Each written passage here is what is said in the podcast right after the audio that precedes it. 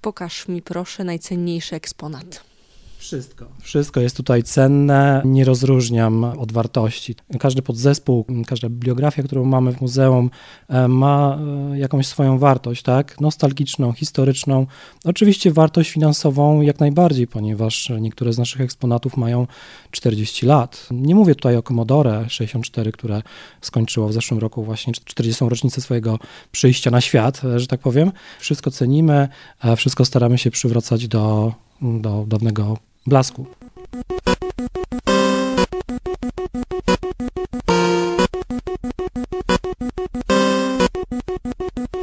Czasami trzeba coś odmalować, e, czasami coś trzeba dosztukować. E, pomaga na pewno druk 3D. Niektóre elementy można dodrukować. Jest bardzo szeroka, dostępna społeczność, która pomaga sobie w ten sposób i, i można pewne mm, niedobory właśnie w ten sposób uzupełnić. E, ponieważ no, niektóre części są no, trudno już dostępne. Lakier na pewno też wchodzi, wchodzi w grę, papiery ścierne, e, ponieważ e, no, rdza wchodzi na obudowy. A strzykawka? Strzykawka to jest akurat strzykawka z pastą termoprzewodzącą, która i stosuje się oczywiście tę pastę na procesor między radiator a wentylator, żeby dobrze odprowadzała ciepło. Mamy bardzo bogatą kolekcję kart graficznych. Tak jak wspomniałem, od tego się zaczęła ta moja przygoda z zbieractwem tego sprzętu. Także one bardzo fajnie przedstawiają, tak uważam, że karty graficzne bardzo fajnie przedstawiają całą ewolucję ponieważ od zwykłych kart, które zaczęły wyświetlać e, tryby kolorowe, tekstowe, potem graficzne, po akceleratory 3D, które wystrzeliły po prostu komputery osobiste i zamieniły je w prawdziwe maszyny do gier, właśnie na przełomie lat 96-97 e, i potem lawinowo oczywiście ta, ta historia się potoczyła.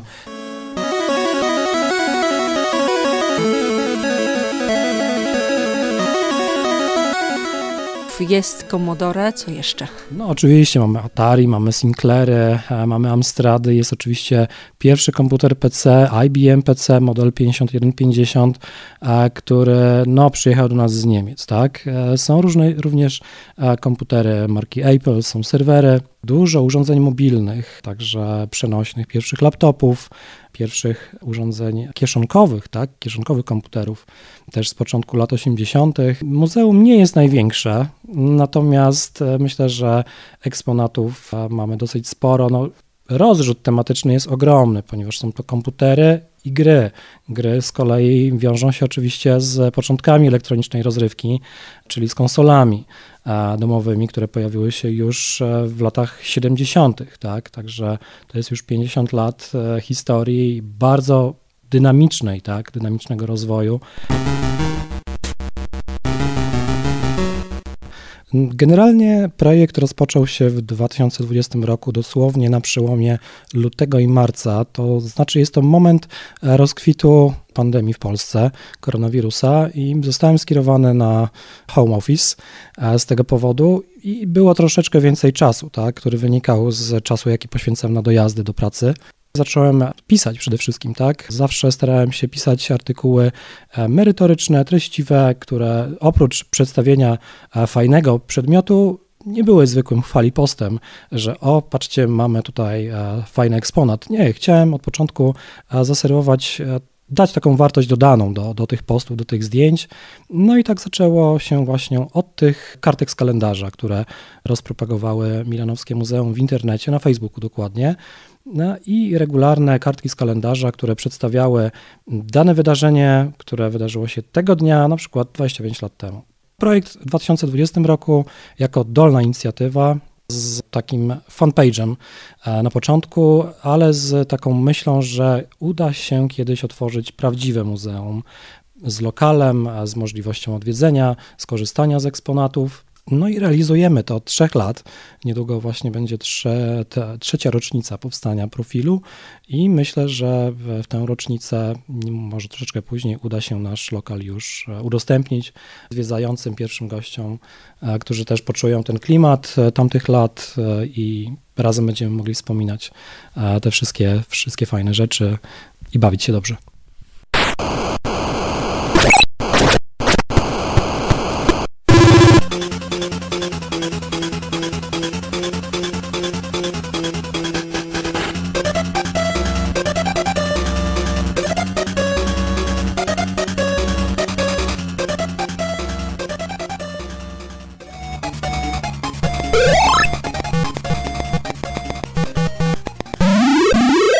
Pierwszy eksponat trafił do nas e, mniej więcej od darczyńcy właśnie 3 lata temu. Było to Atari 800 XL w pełnym komplecie z zielonym monitorem Neptun który otrzymaliśmy od wnuczki wykładowcy akademickiego. Mamy pełną dokumentację, którą e, ten pan e, przygotowywał. Widać, że była to już wyższa programistyka, E, ponieważ wykorzystywał kompilatory Basica e, do swojej pracy. Programowanie na pewno wchodziło w grę. Sam komputer nawet wyposażony został w rozszerzenie pamięci e, operacyjnej, co już też było wyjątkowo w tamtym okresie i, i widać, że było wykorzystywane intensywnie. Także mamy dokumentację na zeszytach z epoki właśnie z lat 80. Każdy eksponat, który otrzymujemy od naszych darczyńców, właśnie przynosi niekiedy wyjątkowe historie. Otrzymaliśmy również Commodore VIC-20. Wyobraźcie sobie, że ten VIC-20 przyjechał do nas po panu, który pracował w zakładach Unitry. E, także również wykorzystywał ten komputer w swojej pracy, w zakładzie na pewno. E, oprogramowanie diagnostyczne, które było zapisane na, na kasetach, udało się odtworzyć, e, słuchajcie, po 40 latach. Także jest to również 40-letni eksponat w świetnym stanie, w nienagannym stanie i, i, i cały czas sprawny. Także to jest wyjątkowe, że te komputery e, mają taką wolę, że tak powiem, działania i pomimo upływu czasu nadal potrafią właśnie bawić, zaskakiwać, no i przywracać fajne wspomnienia. Każdy eksponat, jestem w stanie powiedzieć tak praktycznie o wszystkim, e, co tutaj zgromadziliśmy, jaka jest jego historia. Stoimy obok gabloty. W gablocie już widzę kilka no, rzeczy, które ja pamiętam. Czy to są jajeczka? Tak, to są radzieckie jajeczka, dokładnie. Wilk e, i zając. E, no tak, tak, to jest elektronika. Jest to klon e, oryginalnej Game Watch firmy Nintendo. Radziecki klon akurat Nintendo, tak, który w naszym kraju zdobył bardzo, bardzo znaczącą popularność w, na początku lat 90. Bardzo rozpoznawalny eksponat w naszym kraju ale widzę też e, Nokię, która w ogóle jest bardzo zgrabna i mała, jak na dzisiejsze, mam wrażenie, standardy telefonów. Zgadza się. Mamy również e, troszeczkę urządzeń mobilnych, kultowych urządzeń. E, są telefony komórkowe, jest troszeczkę urządzeń audio. Właśnie tak jak wspomniałem, pierwszych komputerków e, przenośnych. No, także tak mniej więcej e, gry, komputery plus otoczka e, dodatkowo. I no i faktycznie pokazuje to doskonale, jak przebiegała ewolucja tego sprzętu i, i jak to wygląda tak obecnie, tak, a jak wyglądało wcześniej. Trochę rozpoznaję Game Boy, a to jest PSP? Tak, dokładnie. To jest pierwsza przenośna konsola mm, e, firmy Sony. E, tam w głębi e, jest bardzo rzadki w naszym kraju widoczny Sega Game Gear. Jest to konkurent Game Boya pierwszego. Nie zyskał on w naszym kraju aż takiej popularności jak Nintendo. Między innymi dlatego, że był zasilany aż sześcioma bateriami e, typu duży paluszek. E, bardzo szybko te paluszki znikały. E, także tak, jest troszeczkę takich właśnie eksponatów. Jest Game Boy Color.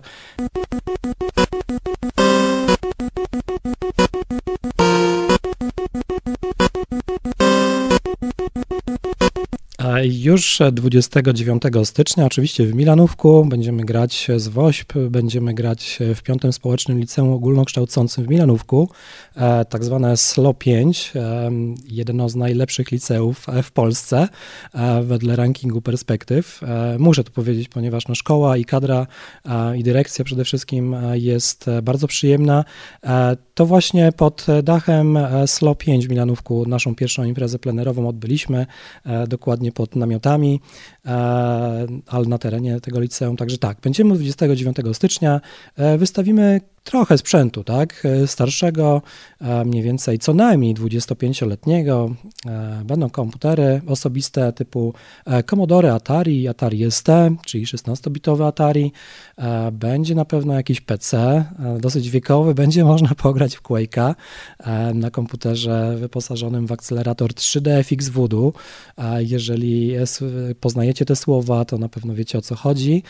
Serdecznie zapraszamy, będzie moc atrakcji, na pewno nie zabraknie tutaj dobrej zabawy i oczywiście ku szczytnemu celowi, tak? ponieważ z Wośpem e, gramy już, będziemy grać drugi raz w Milanówku.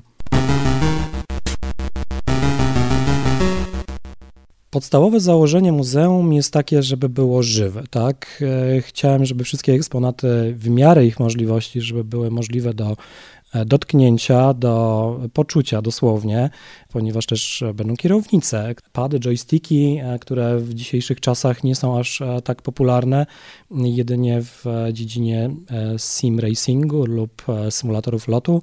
W każdym bądź razie na pewno dzieciaki urodzone no, w ostatnim dziesięcioleciu, jak zobaczą joystick, będzie im myślę, że troszeczkę ciężko z, z, zrozumieć istotę działania, tak? Te przyssawki. E, te przyssawki, po co te przyssawki? Dokładnie tak. Muzeum będzie żywe, muzeum będzie funkcjonowało póki co w formie takiej doraźnej. E, kilku e, dni w tygodniu, w miesiącu będą otwarte. Będziemy oczywiście przyjmować grupy zorganizowane.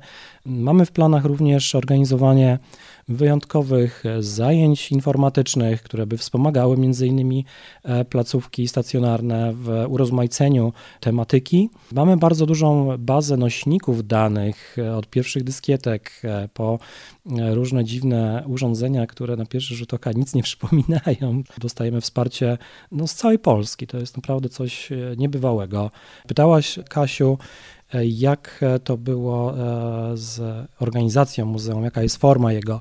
E, tak, oddolna inicjatywa moja, plus e, oczywiście pomagają mi wspaniali darczyńcy, przyjaciele, tak to nazywamy. Mamy taką wewnętrzną grupę na Facebooku dla naszych patronów i przyjaciół. To jest osób, którzy pomagają nam w formie finansowej opłacać między innymi czynsz, bądź logistycznej, bądź w jakiejś innej formie, e, która pozwala rozwijać e, i budować ten projekt i go materializować.